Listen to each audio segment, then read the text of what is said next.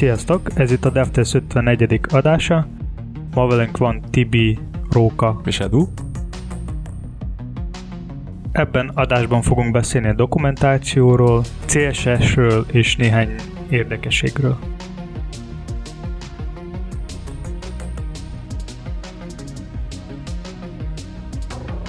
Mikor egy fejlesztő megcsinált egy open source projektet, és tehát maga az ötlet meg az implementáció az tök jó, tökéletes, tök jó működik, viszont szerintetek, hogy mi még kell ahhoz, hogy ez legyen sikeres projekt? Szerintem egy kép, mert a kép az többet mond ezer szónál. Csak, csak kép hiányzik ott. Ez a minimum. Tehát azzal kezdjük már, hogy egyáltalán el lehessen képzelni. Én legalábbis ilyen vizuális alkat vagyok, nekem tök sokat segít az, hogyha le van rajzolva, hogy mi a tök ez. Jó, és mondjuk még valami kell ahhoz, hogy felhasználók tudjanak, hogy hogy kell ezt használni, vagy valami info, vagy nem dokumentáció? Hát attól függ, hogyha ez az a is13 nevű lib, akkor nem nagyon kell, de egyébként persze ki lehet egészíteni írásra. De hogy egy ilyen third party lib, akkor miért nem kell oda egy dokumentációt? Nem mondtam, hogy nem kell, mondtam, hogy minimum egy kép. Jó, de lehet, hogy a képből nem derül ki sok minden, hogy hogy kell használni. Lehet, akkor írjunk hozzá. Pont ezt mondtam. És miért kell a kép? Azért, hogy el tud képzelni azt, hogy mi az, ami történik. De mi a végtermék, hogy hogy fog kinézni vele, hogyha felhasználod azt a libet, vagy valami? Akár az, akár hogy maga ez a third party lib, ez mit csinál. Tehát mint egy ilyen fekete dobozos gép, hogy bedobod a nem tudom milyen adatot, és kiesik belőle a másik fajta adat, vagy tehát amit csinál éppen, azt, azt így el tud képzelni, el tud vizualizálni. Mert lehet hosszasan leírogatni. Szerintem egy kép az többet mond ezer szónál. Akkor így igazából azt mondod, hogy kép az egyfajta dokumentáció, ugyanúgy lehet egy videós dokumentáció, meg lehet így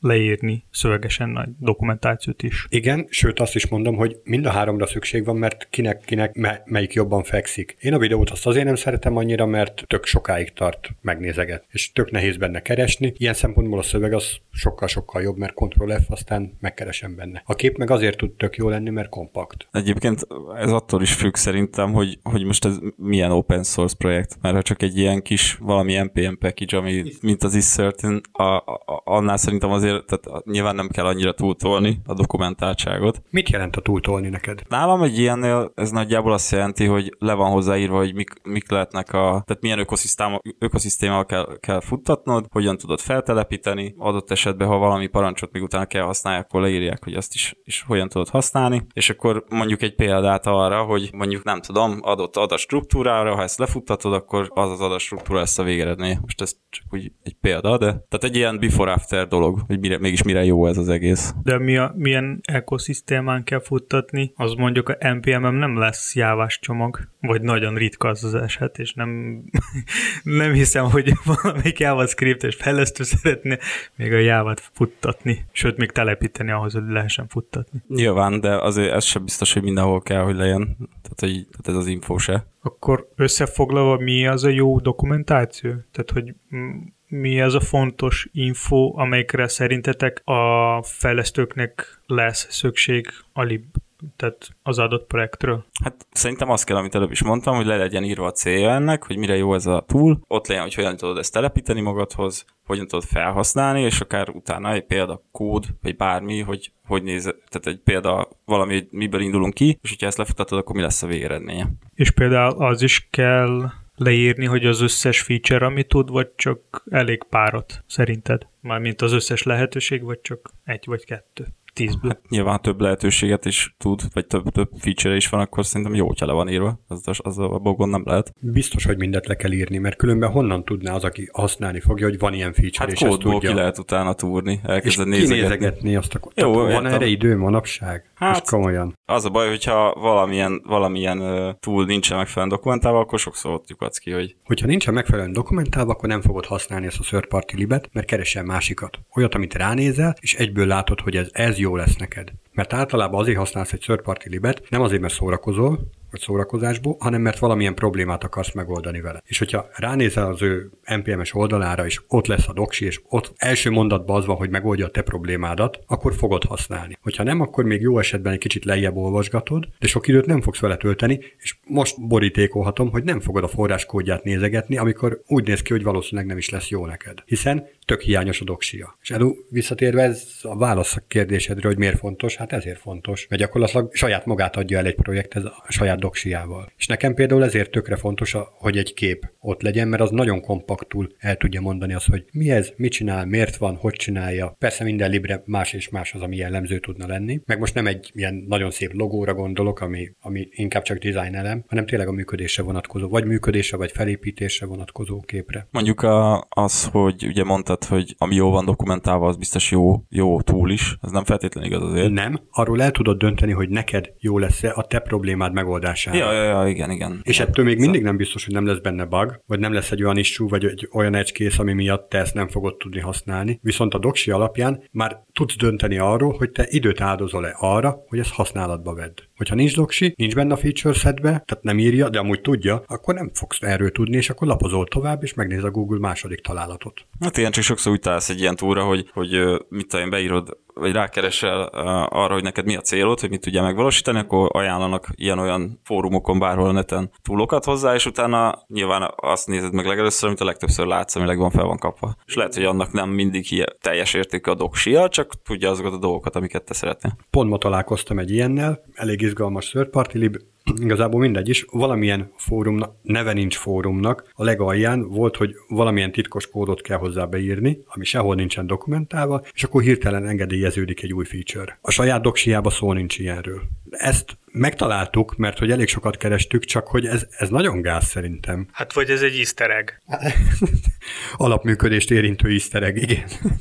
Egyébként a, az már nyilván egy nagyobb lib, meg vagy hogy mondjam, tehát egy nagyobb ilyen tool, de ugye szoktuk beszélni most a Storybookról, abban is nagyon sokan fejlesztenek be, és úgy kerülnek be feature hogy külső fejlesztők lefejlesztenek hozzá valamit, aztán egyszer csak beveszik valamelyik verzióba. És akkor nyilván annál a verziónál leírják, hogy az mit tud, de azért nekem ott, ott néha-néha, hogy bele tud futni olyanba, hogy nem teljes értékű az a, az a doksi hozzá. Hogy mondjam, maga a, az eszköz, az tök jó lenne, amit, amit lefejlesztettek hozzá, csak nem elsőre, amikor elkezded olvasgatni, hogy mit tud, ilyen nagy vonalakban látod, de azt nem, hogy azt hogy tudod jól megvalósítani könnyen. Tehát az kicsit utána onnan indultunk, hogy nagyon pici dologról, tehát egy kicsi third party libről, ami egy darab problémát old meg. A Storybook azért az, ahogy mondod is, nagyon sokan fejlesztenek bele, és egy böszme nagy jószág. Ja, ja, csak... Tehát, hogy annak egy-egy része, éppen ilyen részfunkció hogyan van dokumentálva, az pont, a, pont az a lib kategória, amiről elkezdtünk beszélgetni. Mert igazából az is fontos dolog, hogy az a fejlesztő, aki írja a dokumentációt, ő többször inkább abból a szempontból gondolkozik, és írja a dokumentációt, hogy ő már ismeri ez a projektet, és neki csomó minden már az ő számára világos dolog, ami egy új kezdőnek nem biztos, hogy világos, és azért lehet, hogy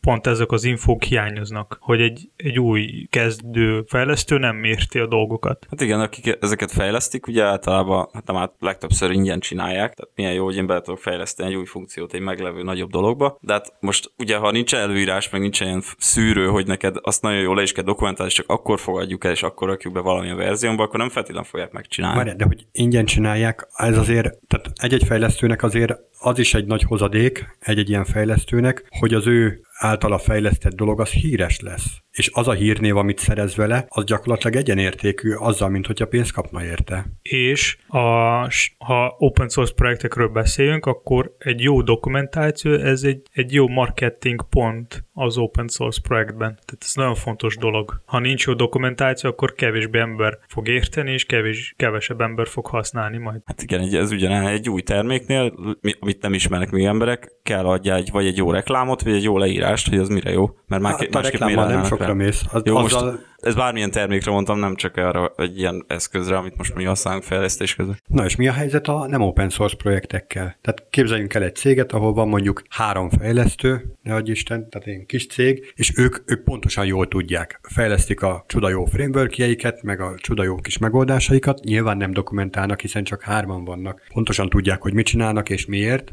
csak aztán telik múlik az idő, és akkor lecserélődnek. Aki jön kollég, az mit fog tapasztalni? Egyébként ezt szerintem két részre lehet szedni. Az egyik az a saját termék dokumentáltsága, a másik pedig az, hogy a saját kódban levő kódrészletek, komponenseknek a dokumentáltsága. Tehát ez, Miben különbözik szerinted? hát az egyik, egyik az, tehát mind a kettő alapvetően szerintem fejlesztőknek szól, de de a termék dokumentáltság az, az sokszor lehet, hogy mondjuk a menedzsmentnek is például. Tehát ott, ott mondjuk lehet, hogy részletesebben le van írva egy-egy funkciónak a, az a működése, amit, a, amit ha használsz, meg, vagy tehát mondjuk elkezded használni ezt a terméket, és rányomsz arra a kis részre, ami, amire te most kíváncsi vagy, akkor nem feltétlenül tudod egyről, hogy az mire jó, és akkor azt le lehet írni egyrészt olyan, olyan formában, hogy ezt megértse egy átlagember, vagy úgy átlagember, hogy nem fejlesztő is, viszont másfelől meg le lehet írni olyan formában is, hogyha te fejlesztőként hozzá akarsz nyúlni, akkor, akkor mire van szükség, és mit kell tudjál róla. Most arra gondolok, hogy... De előbb... akkor inkább arra gondolsz, hogy inkább ilyen feature settet, meg egy dokumentáció, nem? Mármint, Aha, hogy a termék tehát... milyen feature-eket tud, vagy ha ezt termékről beszélünk. Tehát ami a menedzsereknek kell, meg egy, egy másik dokumentáció, ami inkább fejlesztőknek. Igen, szóval. igen, tehát ha mondjuk van egy terméked, annak van egy feature sete, és mondjuk azt a terméket el kell szélelni. Tehát így mondjuk el kell adni adott tehát cégeknek például. De hogyha nincs ilyen, nincs ilyen felhasználási mód, hanem csak egy cég úgy saját magának a saját munkáját megkönnyítendő eszközöket készít. Akkor is kérdés, mondom, ki fogja felhasználni. Ez a három fő, akiről az előbb beszéltem. Jó, de az a három fő, mint fejlesztő például, és fejlesztenek utána benne, és igen, kész. Igen, igen, igen, igen. Hát akkor nyilván fejlesztői dokumentációt kell Na, írni. De ők tudnak mindent. Tehát tök hamar az az illúzió jöhet szembe, hogy hát csak hárman vagyunk, pont így, ahogy most itt a podcastben, tudunk mindent, hiszen megbeszéltük. Nem? Holnap is tudni fogjuk. Jó, de hogyha a fejlesztő szempontból nézünk, akkor, akkor lehet, hogy nincs értelme, viszont ha nézünk a cég szempontból, akkor szerintem ebből a szempontból tök fontos a, a dokumentáció, mert bármit történhet, tehát lehet, hogy egyik fejlesztő hirtelen beteg lesz, vagy elmegy, vagy még valami, és ki kell cserélni valahogy, vagy helyettesíteni, azért kell egy dokumentáció valakinek adni, vagy rögtön kell valakit külsőt, külső fejlesztőt szerezni, és akkor így nincs dokumentáció, akkor ő, hát a cég fog szerintem ebbe esetben kidobni sok csomó pénz, mert csomó ideig nem lesz kész az a feladat, ami tudna elkészít, elkészülni sokkal gyorsabb, ha lenne dokumentáció. Meg fruszt, frusztrálni fog is a fejlesztőt. És hogyha nincs dokumentáció, akkor még az is szembe fog jönni, hogy aki majd becsatlakozik a projektbe, az ideje nagy részében azt fogja mondani, hogy ő, ez micsoda projekt, és hogy, hagyha, hogy hagyhattak itt ilyen munkát az előző emberek. Ahogy ezt a jó köműveseknél megszoktuk. Jó, de ez még egy másik téma. de egyébként, ha, tehát az a három fős dolog, most ha van az a verzió, hogy három fő dolgozik csak a cégnél, és ők de tudnak ugyanez, volna. hogyha kis Tudom. csapatban dolgozol, tehát pont ugyanerről ja, van ja, szó. De hogy most van az a verzió, amikor sok ember dolgozik a cégnél, de van X fő, aki dolgozik azon a projekten, hosszadalmasan. És hogyha ha ők valamiért lekerülnek arra a projektről, és átveszi más, és nincsen megfelelő mértékű információ átadás, már hogy ilyen verbális, akkor ö, ott viszont szerintem kiemelten fontos, hogy az fejlesztői dokumentáció el legyen látva, és hogyha elolvassa a következő fejlesztő, hogy hogy kell használni egy részét annak, akkor de könnyebb Mit tudsz olyat szóban mondani, amit képtelenség leírni? Nem azt mondtam, hogy ne írjuk. Ha le van írva minden, akkor nyilván jó, de az egy új embernek kell egy ilyen beöntés, szerintem. Még akkor is, ha jól le van toksizva. Hát érted, legalább a fő dolgokat kiemelni. Mert lehet, hogy elkezded olvasni, és valamivel van egy száz oldalas dokumentáció, most azon végigmész, lehet, hogy te elveszel a részletekbe. Nagyon jó, amit mondasz, nem szabad túl bőlőire engedni. Illetve, Igen. hogyha nagyon bő, akkor struktúrálni kell a doksit, úgy, hogy aloldalakra bontani. Hogyha tényleg nagyon mélységébe akarod azt az alfunkciót nézegetni, akkor egy külön oldalon megtudod azt is. De hogy önmagában mindegyik oldalnak fogyaszthatónak kell lennie. És mi lenne, hogyha a belső projekteknél egy olyan fajta hozzáállás lenne, mint az open source projekteknél? Most arra gondolok, hogy... Va- va- pont erről beszéltünk. Pont erről beszéltünk. De hogy előbb mondtad, hogy három ember, vagy három embernyi csapat, hogy ők nekik Igen. mi értelme lenne egy dokumentációt írni? Igen, pont azt mondtam, hogy ez egy hamis illúziót ad, hogy ő nekik nem fog kelleni, de ugyanúgy fog kelleni. Pont erre akartam kiukadni, akkor bocs, hogyha félreérthető voltam. Jó, csak én inkább egy olyan oldalról akartam most bevinni, hogy, vagy arra gondoltam, hogy, tehát, hogy lehet, hogy a cégekben hiányzik az a fajta kultúra, mint az open source-ban, hogy ha nem írok egy dokumentációt az én projektemhez, akkor senki se fog érteni, és akkor én nem leszek büszke az én azon a részén, amit én dolgoztam. Tehát, hogy tehát egy ilyen fajta érzések, ami, amik vannak az open source projekt kapcsán, mikor kapsz egy csillagot, meg mindenkinek tetszik, meg minden más. De egy céghez, hogyha elmész dolgozni, akkor ott fizetést kapsz, van, hogy teljesítményarányosan, van, hogy időarányosan. Egy open source világban meg csillagot nem az alapján kapsz, hogy mennyi időt tettél bele, hanem hogy milyen minőségű. Jó, de attól az, hogy neked egy cég fizet vagy sem, attól a fejlesztőkben szerintem van az az érzés, hogy én most valamit jó csináltam, és hogy ez a jó vagy rossz valakinek tetszik vagy sem, szerintem ez mindenkinek, mindenkiben kell, hogy legyen ilyenfajta érzés. Vagy nem? Rosszul gondolok? Láttam ilyen-olyan példát is. És ti? Persze, például, ha mondjuk csak a dokumentációt nézzük, szerintem az is egy jó visszajelzés lehet, általában ugye kollégáktól, de akár vezetőktől is, hogy, hogy, hogy hú, de jó, elolvastam, láttad, hogy, láttam, hogy módosítottad mondjuk egy közös leírásnál a, annak a funkciónak a leírását, vagy mit tudom én, írtál egy, egy jó leírást ahhoz a, a funkcióhoz fejlesztői szempontból, és utána azt mondják, hogy nem tudom, akármilyen formában visszajeleznek, hogy, hogy na, ez tényleg jó volt, ebből igazából simán fel tudtam használni azt, amit te korábban csináltál, anélkül, hogy zaklatnom kell kell téged. És, egyébként... és ilyen visszajelzés valóban megtörténik? Mert open source világban én még egyszer sem találkoztam azzal, hogy volt egy tök jó doksi, és én mondjuk nem írtam egyetlen egy fejlesztőnek sem még soha, hogy ugye öcsém, tök jó doksit írtál ehhez a liphez. Jó, a open source világban a fejlesztők inkább csillagok kapnak, vagy, vagy valamelyik adomány ö, szolgáltatásnak kapnak pénzt. Tehát nyilván azért kapnak a csillagok, mert valaki tudta, az gondolta, hogy ez egy jó projekt, jó dokumentáció van, és megoldja az én problémát. Így viccből lehet, hogy valaki rakja csillagokat, de általában nem így van. Szóval én, szerint, én szerintem, hogy a cégen belül fontos egy ilyen fajta, hogy legyen ilyen fajta kultúra, mert ha nincs, akkor nyilván lesznek olyan fejlesztők, akik nem fognak látni ebbe értelmét, és, és akkor úgy fognak csinálni, hogy megszokták, aztán nem fognak gondolkodni arról, hogy valaki más majd fog szenvedni, mert nem dokumentálták le, ami, amit most egy új pitchert lefejlesztették. Egyébként a dokumentációnak szerintetek a helye az hol van? Egy helyen minden, vagy adott, adott típusú dokumentációnak adott helyen van a helye? Tehát, hogy... Projekt mellett. Tehát amikor elérem azt a projektet, akkor a doksival találkozzak először. Jó, tehát elindítasz egy projektet, akkor abban legyen egy readme. Nem amikor elindítom, amikor először találkozok hát, vele. Valószínűleg igen. kicsekkolom, na és ott legyen. Jó, oké, ez az alap, abban mondjuk le van írva, hogy hogy tudod elindítani azt a projektet, bármi, milyen környezetek vannak, nem tudom, bármilyen főinfo. De akár ott is lehet egy link egy belső oldalra, ami, ami cég meg szokta használni, valami wiki, vagy nem tudom, valami más szolgáltatás. Tehát akár ez is lehet, ahol sokkal bővebb info lesz. És például Tehát... egy ilyen Confluence vagy wiki-szerűségű helyre, oda, oda milyen típusú dokumentációt gondoltok? Inkább azt, ami fejlesztőknek szól, vagy inkább azt, ami mondjuk egy menedzsmentnek, vagy mindkettő, tehát így? Mindkettő persze, csak elkülönítve. Mindegyikre szükség van és igazából az a fontos, hogy egy olyan helyen kell tartani a, a, a doksit, most igazából tök mindegy, most a projekten belül vagy valahol más, ahol az egész cég meg a csapat megszokta használni, ahol mindenkit betonyítják, hogy ez a hely, ahol kell keresni az infót. Mert ha nincs ilyen, és a fejlesztők nem megszokták, hogy hol, hol kell keresni az infót, akkor ez így nehéz. Mert ha megnézzünk GitHub, akkor mindenki tudja, hogy megnyitja egy repót, ott van az összes info. info. Tehát valakinek van ott egy link egy másik oldalra, vagy egy bels a GitHubnak a wikiába, de ez mindig általában van. És ez a megszokás, tehát ugyanúgy szerintem kell, hogy a cégen belül is legyen valami hasonló. És kódon belül, hogyha van egy frontend oldal, mondjuk egy komponensed, vagy bármilyen backendes funkciód, akkor uh,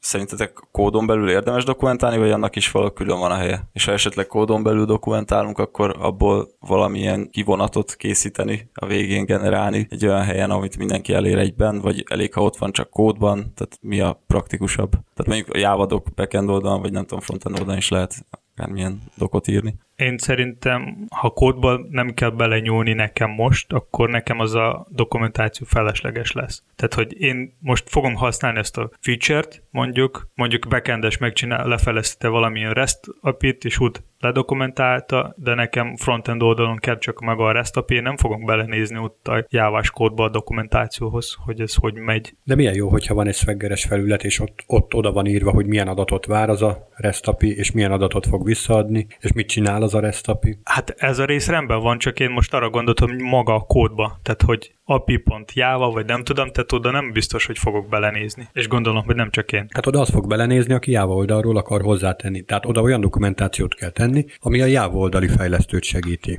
A kívülről látszó dokumentációban meg olyan dokumentációt kell elhelyezni, ami a használatot segíti. Kettő nem ugyanaz.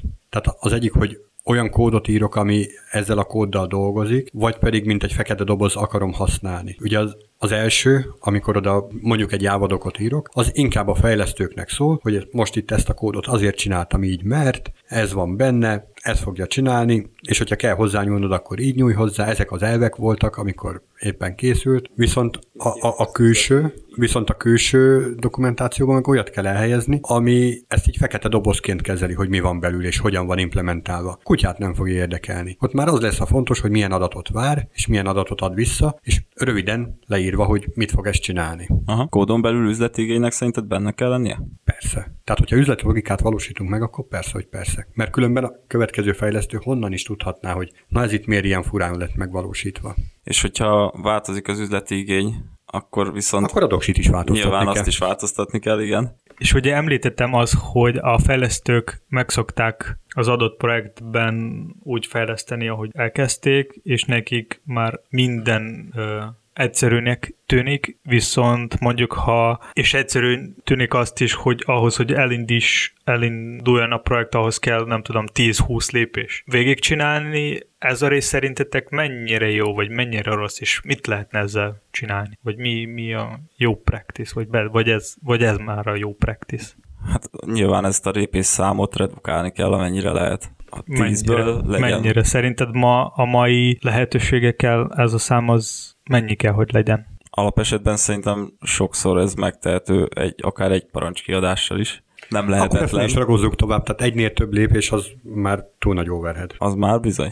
És akkor szerinted miért fontos, hogy csak egy lépés legyen, mondjuk? Hát azért, hogy felgyorsítsa az egész folyamatot, te rákerülsz új emberként egy adott feladatra, szeretnéd elindítani a projektet, minél hamarabb szeret, és ugye az, hogy elindítod a projektet, az nem a feladat, feladatod része, de az nem úgy jön be, tehát ez nem egy kifizetődő dolog. Szerintem meg azért fontos, mert tök hamar sikerélményt ad, és ezáltal tökre motivált lesz a fejlesztő, hogy ó, hát ezt azonnal sikerült életre keltenem, és akkor már nagyon nagy motiváltsággal fogja az ő kis feladatát beletenni ebbe a projektbe. Hát nyilván, igen. Hát még egy másik dolog szerintem az open source open source projektnál is az a fontos, hogy ott is amennyire lehet kevesebb ilyen lépés legyen, mert akkor felhasználó sokkal gyorsabb tud kezdeni használni, és ne legyen ilyen nagy betonolási görbe, hogy e- elind, tudnál elindítani a projektet, és hogy lehet ezt megoldani mondjuk ilyen belső projekteknál, hogy a fejlesztőkben, fejlesztők fejékben legyen az, hogy kezdődik egy új projekt, akkor legyen csak egy ilyen egy lépéses projektindítás. Van nekünk itt cégen belül egy tök jó termékünk, ez a Pocó nevű termék, ami ugyan feltételezi, hogy van Docker meg Python a gépeden, de hogyha ezeken a előfeltételeken túl vagy, akkor gyakorlatilag nincs határ, hogy mi mindent meg tudsz egy lépéssel indítani, ráadásul egy olyan lépéssel, ami tökre hasonló minden projekt esetén. Szóval én ezt csak ajánlani tudom. Open source. És van doxia.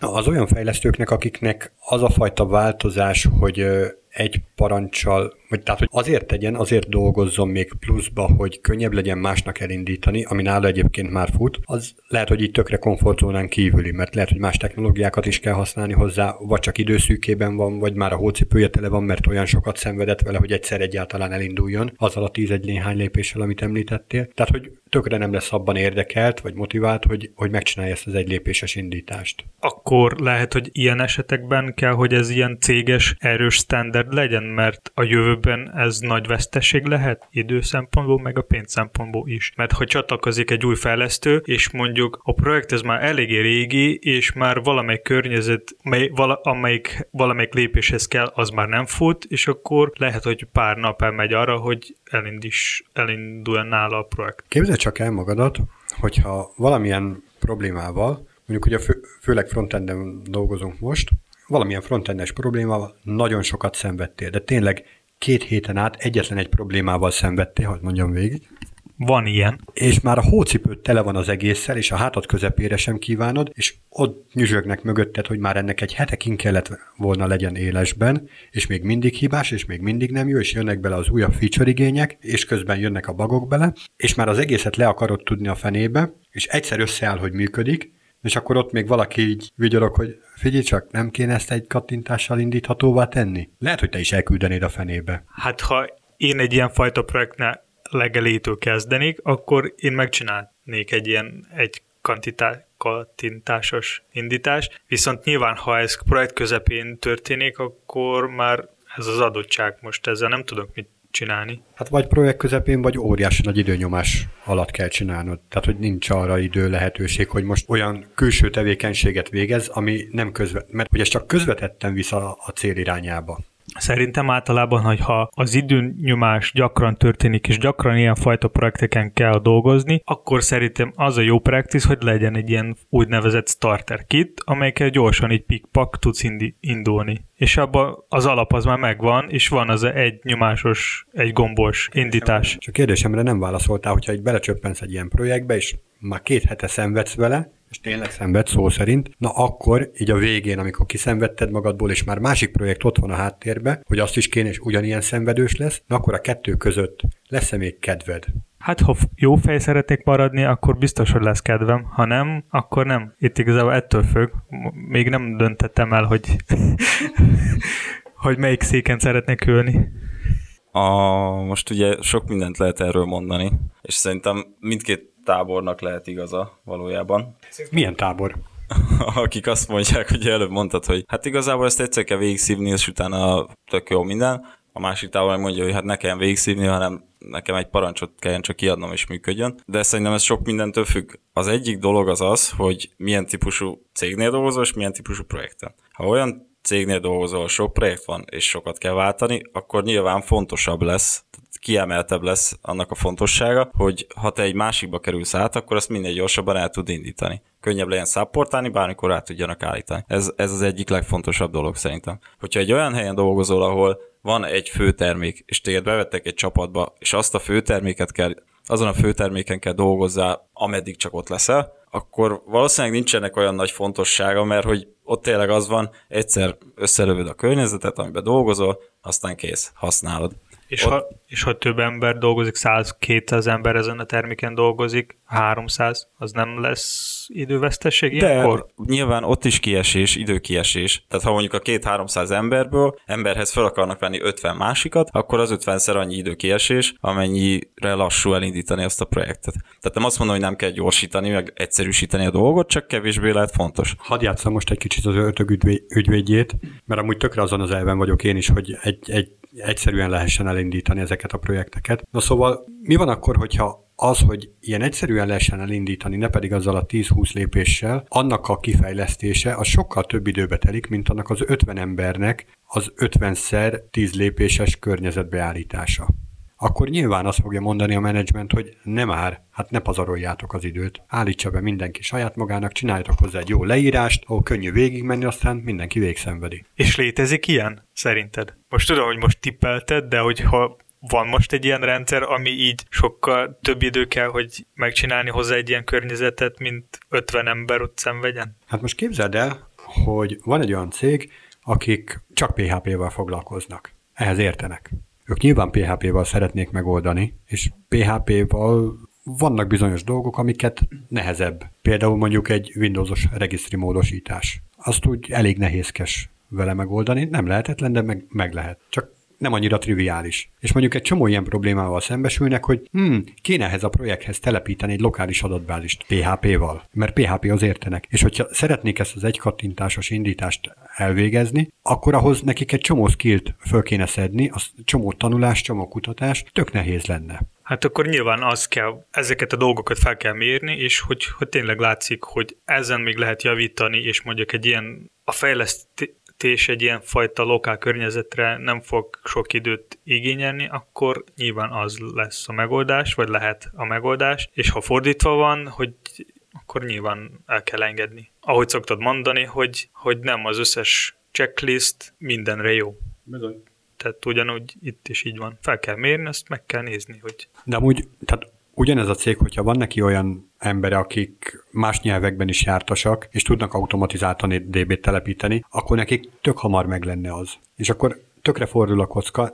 Igazából csak attól függ, hogy milyen kompetenciák vannak ott jelen. És igazából, ami, ami előbb Tibi mondta, én szerintem, hogy leginkább fontos az, hogy a fejlesztőkben van egy ilyen fajta senior hozzáállás, mert ha ő tényleg így akarna megoldani ezt a pro- ez a fajta problémát, akkor ez leginkább senior hozzáállás, mint, mint ha így, ha elenged, akkor ez nem biztos, hogy ez már senior. Szerintem. Hát nyilván kell egy fejlesztői szintű konstruktív hozzáállás is ahhoz, hogy ami dolgozik projekt, az mindig frappánsabban, könnyebben induljon, de egyéb egyébként még ezen a részen azt fognám meg, hogy, hogy mindez akkor fontos, hogyha amikor már elindult nálad a projekt, az gyors. Tehát ha kéne választani a kettő közt, hogy ha mondjuk viszonylag hosszabb távon dolgozok egy projekten, és kicsit lassabb elindítani, viszont cserében nem olyan gyors benne dolgozni, akkor szerintem az a része sokkal fontosabb, vagy ö, sokkal zavaróbb. És én inkább azon próbálnék javítani, mint hogy, ö, mint hogy mennyire könnyű elindítani. De nem zárja ki a kettő egymást, tehát nyilván a kettőt meg lehetne oldani. Csak ö, akkor szerintem ide még akkor az is tartozik, hogy lehet, hogy a projektekben kell csinálni ilyen több fejlesztési mód, hogy hogy ez mondjam. Tehát, hogy mondjuk, ha valakinek mondjuk nem kell a backend, és a backend ez már valahonnan ilyen mokkolt legyen, de mint abból szempontból mokkolt, hogy amennyire lehet hasonlít az éles re, és akkor neki nem kell már külön indítani, nem tudom, backend vagy valami, hanem csak egy ilyen frontend fókusz, vagy fordítva is. Ha ez gyorsít a dolgon, akkor nyilván ez is egy megoldás. Viszont ha valami mokkolt, akkor a mokkot is karban kell tartani, úgyhogy ez meg azért lassít a fejlesztésen lassíthat. Vagy, vagy például azt is lehetne megcsinálni, hogy ha mondjuk csak a backendről beszélünk, hogy aki fejleszti backendet, ők általában elindítják lokálisan a backendet, tehát nem is biztos, hogy a Dockerből, de mondjuk a frontend az a Docker image-ből tudna indítani a backendet. És akkor neki nem kell ott, nem tudom, a Go-t, vagy Java-t, vagy bármi más így külön-külön valahogy valamilyen parancsokkal indítani. Az egyszerűbb, jobb. Legyen ez a konklúziónk.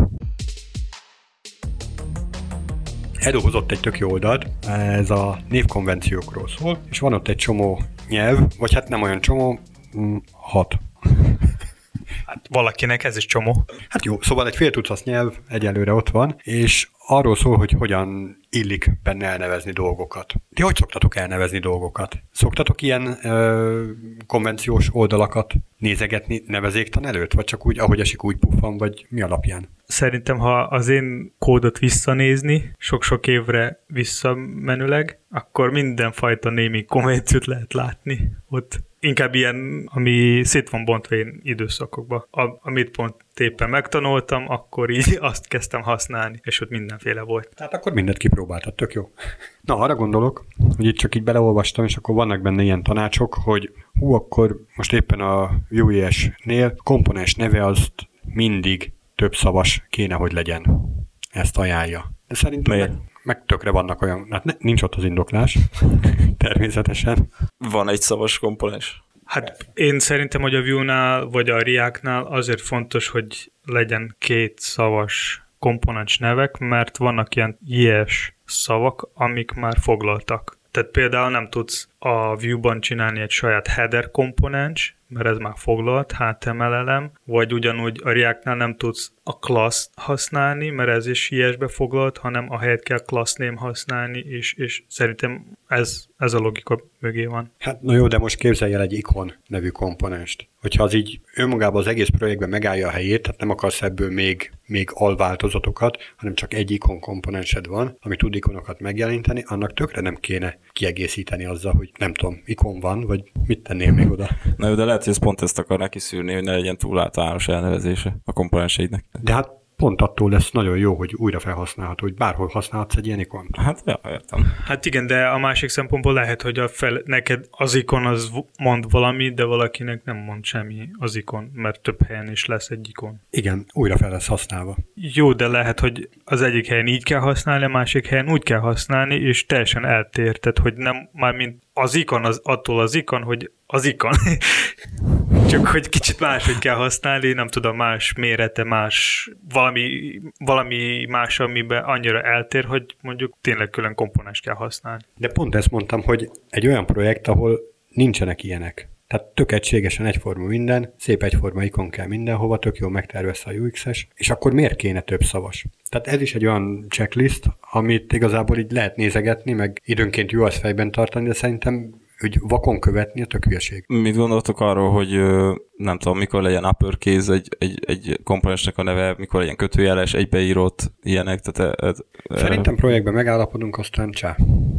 Tehát az legyen egységes. Van bármelyiknek valami hozománya? Egyetlen egy helyen találkoztam vele, Windows-on, kis nagybetű fájrendszerbe, hát az nem annyira tárolódik le, leginkább sehogy, és hogyha mondjuk egy Mac-en vagy Linuxos rendszeren dolgozó kolléga meg fogja és átnevezi ezt a fájlt, mondjuk legyen egy ilyen alert modál nevű komponensed, nagy A-val, nagy M-mel, és ő átnevezi kis M-re, hát akkor ott Windowson lesz némi konflikt.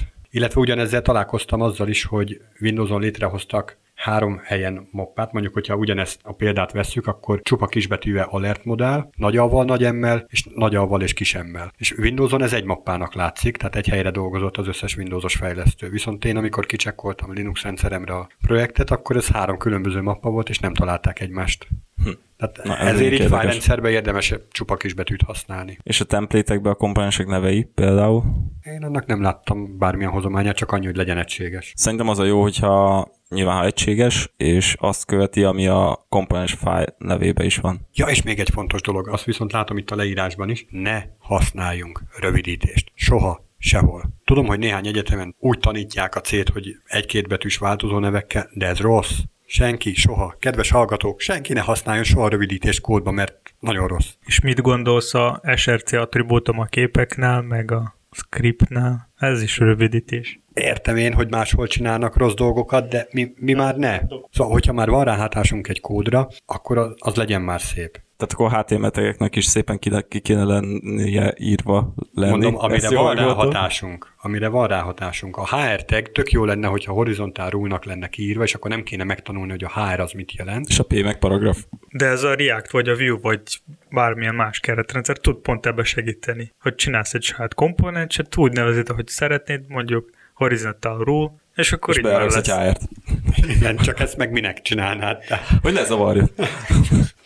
Na jó, szóval a hülyeség, tehát ilyen kódobfuszkáció, vagy nem, nem kódobfuszkáció, tehát ilyen kódabuzálást azt tök fölösleges csinálni. Tehát tudjuk, hogy a HTML ilyen, azon nem tudunk változtatni, de a saját kódunkon tudunk. És az, az legyen már igényes ilyen szempont. Tehát rövidíteni, nem hiszem el, hogy az az időnyereség, amit mondjuk egy akár nagyon hosszú szónak a leírásával nyerünk, nagyon lassan gépelek, akkor mondjuk 20 másodperc, és utána nincs az az ide, ami már ne segítene Control Space-szel, ezt újra kiegészíteni. Tehát, hogy az a 20 másodperc, amit így nyerünk, az, az megérni azt a, azt a fajta szívást, amit majd, majd két év múlva egy tök idegen fejlesztő nézegeti azt a rövidítést, és lehet, hogy valami tök más képzel bele. Sőt, amikor vannak a minifájrek, amelyik tudnak segíteni rövidíteni a kódot. Akár JS, akár CSS. Igen, szóval ne írjatok minifájolt kódot. Az butaság. Erre vannak automaták, azt inkább azzal. Később majd még ezt érintjük egy másik témánál.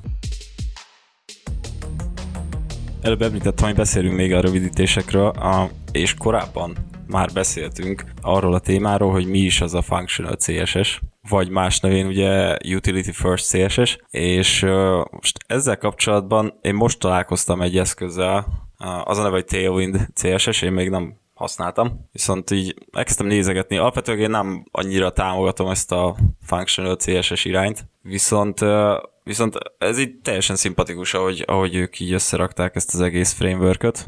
Az a lényeg, és ha most visszacsatolom azt az egészet a dokumentációra, hogy na például ennek a, a frameworknek a, az oldalán a dokumentáció szerintem, szerintem teljesen kielégítő. Nyilván nincsen azért minden leírva, minden egyes előre definiált klassz, amit használhatsz az elemeken, de, de szerintem nagyon jó meg lehet belőle érteni, ez mi ez az egész, mi a célja, vannak benne jó példák, megmutatja, hogy te hogy, tud, hogy tudod felhasználni azt a készletet, azt a klassz készletet mondjuk, amit ők nyújtanak, megmutatja, hogy hogy tudsz mondjuk media queryhez definiálni szabályokat, pseudoklasszokhoz, megmutatja, hogy hogy tudsz egyedi klasszt írni, vagy globális szabályokat, amellett, hogy te egyébként functional CSS metódust használsz. Egész jó kis példák vannak erre az egészre, és szerintem alapból jól le is írják, hogy mi a, mi a célja ennek a projektnek. És miért nem inline CSS akkor? Mert hogy, hogyha jól látom, olyan klasszok vannak, hogy TextGray 600. Igen, e- erről egyszer már, erről már egyszer vitáztunk. Egyébként konkrétan nagyjából azt csinálod, tehát hogy uh, ugye klasszként definiálsz szabályokat, de ezt megcsinálhatnál úgy is, hogy inline style-ban megadod ugye ezeket a szabályokat. Csak ha inline style csinálsz, akkor nem lesz responsive CSS, tehát nem tudsz media query-ket belerakni a, az inline style-ba. És így a klasszokat pont ezt tudsz megoldani, hogy az adott töréspontnál mondjuk legyen piros vagy zöld, és a másiknál töréspontnál legyen más színű. és a méretek, meg az eltartások, meg egyéb más. Igen, tehát ezt az egészet úgy kell elképzelni, aki még nem használta, hogy HTML tegeken klassz attribútum formájába tudsz megadni egyedi klasszokat, amiket a framework ad. Ezekhez a klasszokhoz nyilván CSS szabályok vannak definiálva frameworkön belül, plusz lehet sajátot is megadni hozzá, és ezen kívül tudsz például média queryhez tartozó, vagy töréspontokhoz tartozó szabályokat is mondani, illetve hát azt megmondani, hogy na ez a kinézet ezen a, a törésponton belül érvényesüljön. És ezek ilyen nyilván egy-két karakteres kis szabályok, tehát most visszatérve arra, hogy miért nem írjuk inline style-ba a, a szabályokat, a CSS szabályokat, hát ugye szerintem ez az egyik oka, hogy, hogy az jóval hosszasabb lenne, jóval hosszabb lenne mindent kiírni újból és újból, itt meg egy-egy rövid szabályt kell megmondja, és akkor az fele a kinézetér. És, és nem tudsz újra használni az inline start. Igen. Hát itt is újraírod a klassz nevét. Tehát a klassz nevét sem tudod újra használni. Igen, de ebben a formában meggondolod magad, és a holnaptól az uppercase az lowercase jelentsen, akkor neked elég egy helyen átírni, nem pedig... Na jó, igazából csak megint az ördögügyvédjét játszom, mert ezzel is tökre egyet tudok érteni. Ami viszont ilyen komolyabb kérdésem lenne, hogy hogyha definiáltál egy nagy halomszabályt, vagy ez a framework ez adott neked egy nagy halomszabályt, és tényleg ilyen nagy, nagyon nagy mennyiségre gondolok, olyan nagy mennyiségre, amit már nem is néztél át. És mondjuk ne adj Isten, valamilyen sebezhetőség kapcsán az oldalon a felhasználónak lehetősége van arra, hogy CSS klasszokat tegyen egy elemre, akkor elképzelhető-e az, nyilván elképzelhető, szóval nem -e félünk attól, hogy csúnya lesz az oldal. Hát nem az, hogy csúnya, mert ugye láttunk már CSS-ben keyloggert, de hogy így CSS klasszok alapján összerak egy olyan oldalt, ahol gyakorlatilag így hoverre bekapcsol ez a keylogger, és akkor ott Jó, szépen ellogolja neki. Arra gondolsz, hogy eseményekhez fűzött dolgokat is így bele tudunk csempészni az oldalba akarva, akaratlanul. Mert hát, egyébként lehet ilyet is, hogy megmondod, hogy hoverre, hogy nézzen ki az az elem. Olyat is lehet, meg, meg olyat is, hogyha mit tudom én, a password mezőnek az egyedik eleme az A betűvel kezdő, vagy A betűs, akkor hívja meg, a, az legyen a háttérkép URL, hogy a távoli szerveren lévő XYPHP kérdőjel, begépelt karakter egyenlő A, ez most olyan, mintha valami saját tapasztalatban mondaná, próbáltál már ilyet csinálni? Hát persze, amikor kijött az a cikk, egyértelmű, hogy kipróbáltam, és tök jól működik, tehát le, lehet CSS-e ja. kiloggert csinálni. Nem ez a kérdés, hanem hogy maga ez a lib, ez ad-e bármilyen védelmet ez ellen. Mert ugye az inline CSS ellen az ilyenfajta támadás ellen a Content Security Policy headerrel pont jól lehet védekezni, hogy ne lehessen inline style-okat, inline JavaScript-eket írni, és akkor ez nagyban véd az XSS-től is, meg egy csomó mindentől. Viszont így a klasszokkal kapcsolatban nincs ilyen védelme. De egyébként máskor is megcsinálhatnád, hogy egy klasszt ráagadsz valamire, és még az oldalon belül valahogy az oldal domjába is belevarázsolsz egy style amiben megmondod, hogy ez a klassz mit tudjon, és akkor majdnem ugyanott vagy. De a Content Security Policy-vel tudsz határozni, hogy melyik doménekről legyen neked a, lehessenek a kérések. Tehát, hogy ott tudsz megadni azt, hogy mondjuk a Google Analytics nem, ez nem, ez nem, meg az nem, és ami a saját domén alatt van, akkor az igen. Tehát most arra gondolok, hogy hát az másik, igen, a háttérképet is, hogyha ott a kép resource is tudsz adni. Tehát a Content Security Policy-nál, ha én jót emlékszem, akkor ott majdnem minden content típusra, most a CSS, IS-re, képekre gondolok, meg lehet adni, hogy melyik doménekről lehetne engedni, vagy nem, vagy sem a, a kéréseket. Tehát, hogyha jó van beállítva, akkor a, ez a fajta header, akkor a lib nem ad ilyen jellegű kis kaput. Viszont, hogyha nincs jó beállítva, akkor akár lehet is kihasználni valamilyen sebezhetőségre ugye? Ki lehet használni, de most szerintem aki meg akarja oldani más módon, nem egy tailwindes oldalnál, az megoldja másképp is. És neked mit tetszik egy ilyen functional CSS-ben? Mire használnod? Szerintem a, ami tetszik benne, hogy, hogy, hogy tehát eleve azt mondják magukra, amit én eleve is gondoltam, hogy eleve jók. de... Na, ez, ez már megértettünk csak hogy mi neked tetszik. Tehát nekem azt tetszik benne, hogy amit eredetileg is gondoltam róla, ők is azt mondják most magukról, hogy, hogy nyugodtan használják globális stílusokat, ahol van értelme, viszont, viszont sok helyen tudod használni ezeket az előre definiált szabályokat. És szerintem vannak olyan, olyan projekttípusok, ahol sokszor egyszerűbb így kódolni, mint, mint hogy te még azon agyalsz, hogy mi legyen ennek az elemnek a klassza, ott, ott összegyűjtöd a szabályait, rásul nem is feltétlen egy fájba tartod őket a template akkor külön fájba dolgozol, tehát kicsit így lassabb az egész. Itt meg, jó tudom, nyilván már simán lehet úgy dolgozni, hogy egy helyen van minden a template, CSS szabályok, minden, csak hogy azt mondom, hogy itt, itt aztán tényleg, amikor írod a template-et, rögtön, ha már kitapasztaltad a framework-et, hogy hogy kell használni, akkor rögtön beírogatod a stílus, vagy az klasszait, és kész. És milyen CSS szabályokat te használnád, mondjuk? Már gondolom nem az összesen nyilván hasz, szeretnéd használni egy ilyen fajta keretrendszer. Nem tudom most, vagy teljesen mindenre, akár flex, CSS gridre, vagy, vagy csak, nem tudom, eltartások, méret, font méretek, vagy Szerintem, ha elkezdeném használni, és azt mondanám, hogy na most emellett maradok az egyik projektnél, akkor igyekezném, igyekezném úgy csinálni, hogy, hogy minden részét kihasználom. Tehát, hogy nem, nem csak, mit tudom én, az eltartásokat oldom meg az ő klasszaival, hanem, hanem tényleg ilyeneket is, hogy nem tudom, ebben a média query-ben legyél flex, aztán meg ne. És akkor ez, ez most egy szabály, de egy, mit tudom én, lehet font size-ra is mindenféle másra használni, úgyhogy hogy én, én szerintem így, így, így csinálnám. Vagy nem tudom, te így pár dolgot kiragadnál belőle, azt használnád, aztán kész. Én például egy olyan fajta ember vagyok, aki nem nagyon szereti keretrendszereket használni, tehát én ezt a, szóval én ezt a Tailwind keretrendszert nem nagyon használnék, akár bármelyik mást is, viszont maga a megoldás nekem nagyon tetszik, mert tehát leggyakrabb dolgok, ami, ami az összes weboldalon van, az az eltartások, meg a font méretek, és én ezeket leginkább használnék. Az összes többi, az majd leginkább a helyzettől függ. Tehát ez, ez a rész, tehát a színek, az eltartások, a fontméretek, tehát ez a három dolog, ami így nagyon kiemelnék, az összes többi az már a helyzettől függ leginkább. És azért nem szeretnék egy ilyen fajta keretrendszert használni, mert ha csak így simán behúzni, akkor csomó felesleges dolog lesz ott a CSS-be. Én, én ez így nem szeretek. Hát mert például nekem... ez egy hátránya is, hogy, hogy a többi keretrendszerhez képest elég nagy méretű. Nekem például fontos minden kilobájt, tehát ebből szempontból én ez így nem nagyon szeretnék. Az is tudom, hogy a téli wind talán van valami post plugin, meg én is hasonló csináltam. Igen, igen, igen. Ahol lehet generálni csak azok a dolgok, ami, amikre van szükség. Igen. Egyébként maga a Tailwind azt mondja, hogy a minified változata 350 kilobájt. Igen, ez így sok. És ami... elvileg egy bootstrap ilyen 150 körül van.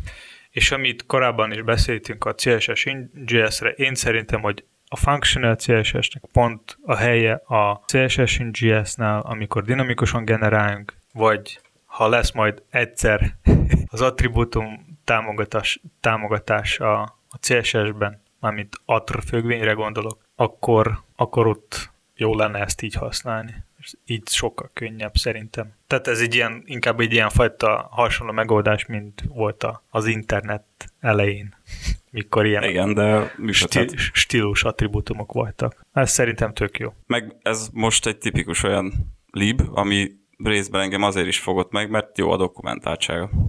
Tehát szerintem nagyon jól le van írva. Akkor eladták neked. Eladták, kész.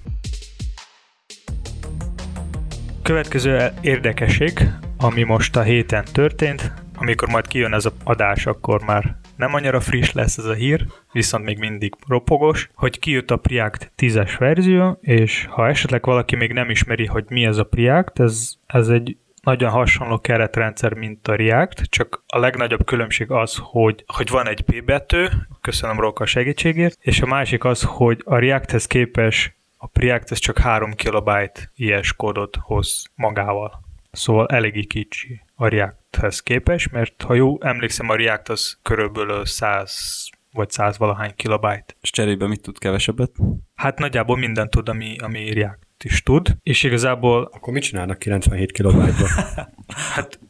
Ezt meg, kiartott? Ezt kiartott? Meg kell kérdezni a Facebook-tól. Nem tudom. Szóval tehát ugyanaz a kérdés a Svelte kapcsán is, hogy ott ő nem hoz magával semmi, csak a saját kódot behozod, azt ő nem generál semmi plusz ilyes kódba, mint a Vue, vagy React, vagy Angular. Ez szóval, tehát e, ebből a szempontból tök jó, hogy vannak ilyen keretrendszerek, amelyek mutatják, hogy ilyen sok ilyes kódra nincs is szükség, szerintem. És visszatérve a Preact 10-es verzió, ott a legújabb feature ami behozták, ez volt a Fragments. Ugye a, a, mostani, a mostani keretrendszerekben az a nagyobb probléma, hogy az összes komponensnek kell, hogy legyen mindig egy root elem, Tehát ha mondjuk neked van egy lista, és a listában van egy, egy lista elem, és te szeretnéd a következő tíz lista elem behozni egy külső komponensbe, akkor neked az a tíz lista elem kö, köré kell rakni egy root elem, ami lehet, hogy fog eltörni a te kénézetet, vagy HTML struktúrát, és ez nem biztos, hogy jó lesz. Így ez a fragments dolog a Preact-nel pont ezt tud megoldani, hogy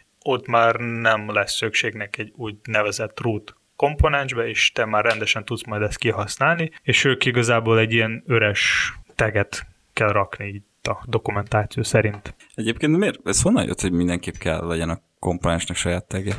Vajon? Vagy miért nem lehet az, hogy azt mondod, hogy neked van egy komponensed, ami pont egy eli, és az a tegje? Az XML-ből. Az XML-ben van ez így, hogy kell egy root elem. A jó, az érthető. Hmm. És ezek XML fragmentek, ezek a komponensek valójában. Az, jó, igen, az Eli-nél az Eli lenne a routerem. Na de az előbb, amit Edu mondott, az gyakorlatilag mondjuk 10 Eli elem. Tehát van egy 20-as listád, és az két részre akarod bontani. Ja, most is arra gondoltok, hogy jó, értem. Tehát nem csak egy Eli-ről szól az a komponens, hanem egy Eli halmaz. Igen. Ja, ja, jó, jó, jó. Oké, így már átjött. A másik érdekes feature, ami belerakták a Preact-be, ez úgynevezett component did catch, és ezzel az lehet csinálni, ez ilyen hasonló, mint a try catch, vagy promise-nál a catch, és ebbe a component did catch lehet elkapni az összes komponens hibát, ami történt a, a life cycle-ben, vagy életciklus ciklusokban. Tehát mondjuk a render, did mount, és egyéb más. Tehát ha ott történt valami hiba, akkor ez majd lehet elkapni a component did catch. Aztán bekerült ugyanúgy, mint a React-nál a hookok, tehát most a tízes verzió a React-nál is vannak a hookok. Create context, az is hasonló működés, mint a React-nál. És igazából ezek, ezek voltak a fők újdonságok ebben a verzióban. És aki aki, akinek ki, aki ki szeretne, azt tudna kipróbálni, mert szerintem tök jó ilyen kis alternatíva, ami csak 3 kilobájtos. És, és fontos ilyenekről tudni, hogy vannak ilyenek más alternatívák. Azt tudod, hogy ez mióta él ez a framework? Ez mennyire új dolog? Szeptember 11 az első commit topriáknál, a GitHub szerint, de lehet, hogy maga az ötlet sokkal korábban volt.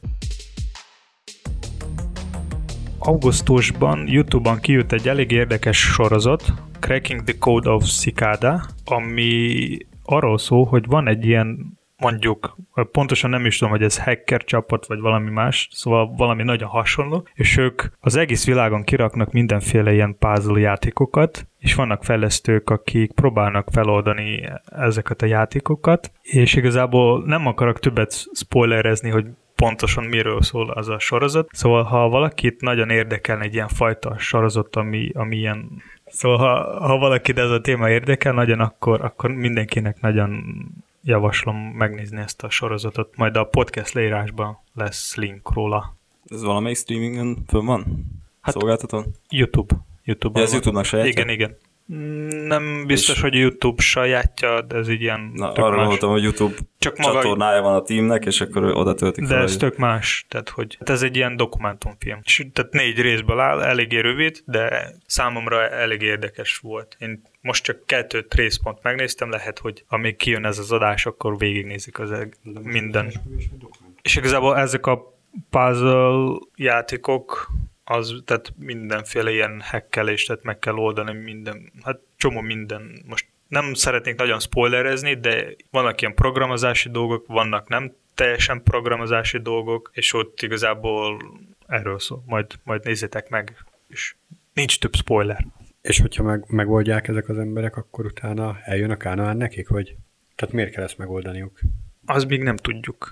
Vagy végig kell nézni. Én még sajnos nem néztem végig, majd megnézem, és akkor még tudunk róla beszélni a következő adásban. Ami nekem tetszett, a, azok a fajta UI, amelyik fejlesztők használtak a sorozatokban, meg a mindenféle csetek, ilyen konzolos, terminálos, az számomra eléggé érdekes volt, mert szimpatikus.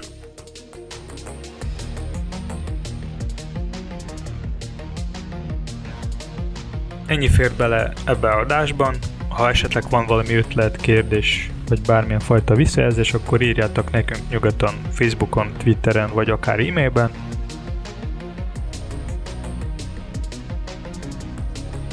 osszátok meg ismerőseitek között és hallgassatok minket. legközelebb. Sziasztok! Sziasztok! Sziasztok!